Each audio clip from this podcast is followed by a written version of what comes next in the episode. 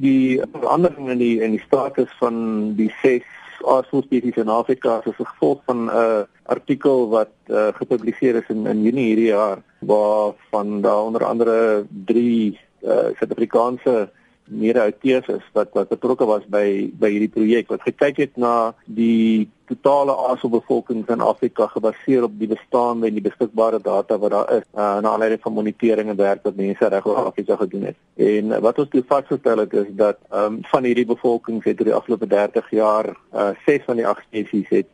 op 70% afgeneem oor die 30 jaar en in sommige gevalle het van hierdie spesies met meer as 80% afgeneem. Van die van die voëls wat hier by ons voorkom in Suid-Afrika, voëls wat wat uh, in baie opsigte vir ons dalk redelik algemeen voorkom, is besig om baie drasties en vinnig in die res van Afrika te verminder. En selfs hier by ons met van die insidente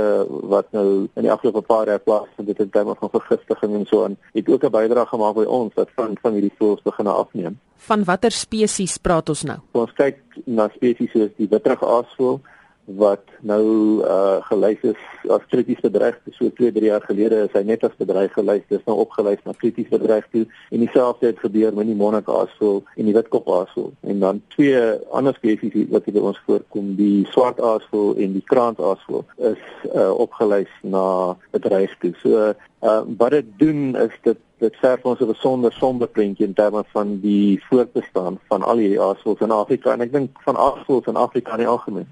Wat kan die publiek doen om te help? En die belangrikste bydrae wat wat die algemene publiek kan doen is is om bewustheid te hê, bewus te wees van hierdie bedreigings wat die voels in gesig staar en indien hulle bewus is van van enige verwikkelinge, aktiwiteite wat potensieel op hierdie bevolking se impak kan hê om dit dan te rapporteer aan organisasies soos ons vir die Kristelike vir Natuurlewe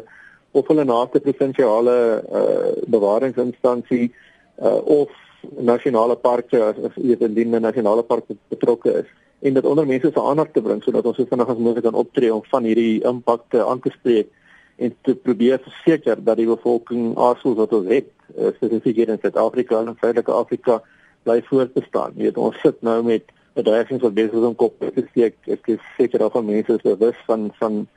die uh, vergiftigings wat na die afgelope paar maande en selfs die afgelope 2, 3 jaar nou weer aan die toename hier in Suid-Afrika en ons het nou onlangs ons eerste massa vergiftiging ervaar wat uh, plaasgevind het in assosiasie met die uh, onwettige jag van olifante uh, in die, in die noorde van die land. Hierdie hierdie tipe van ding is nou besig om hier by ons te manifesteer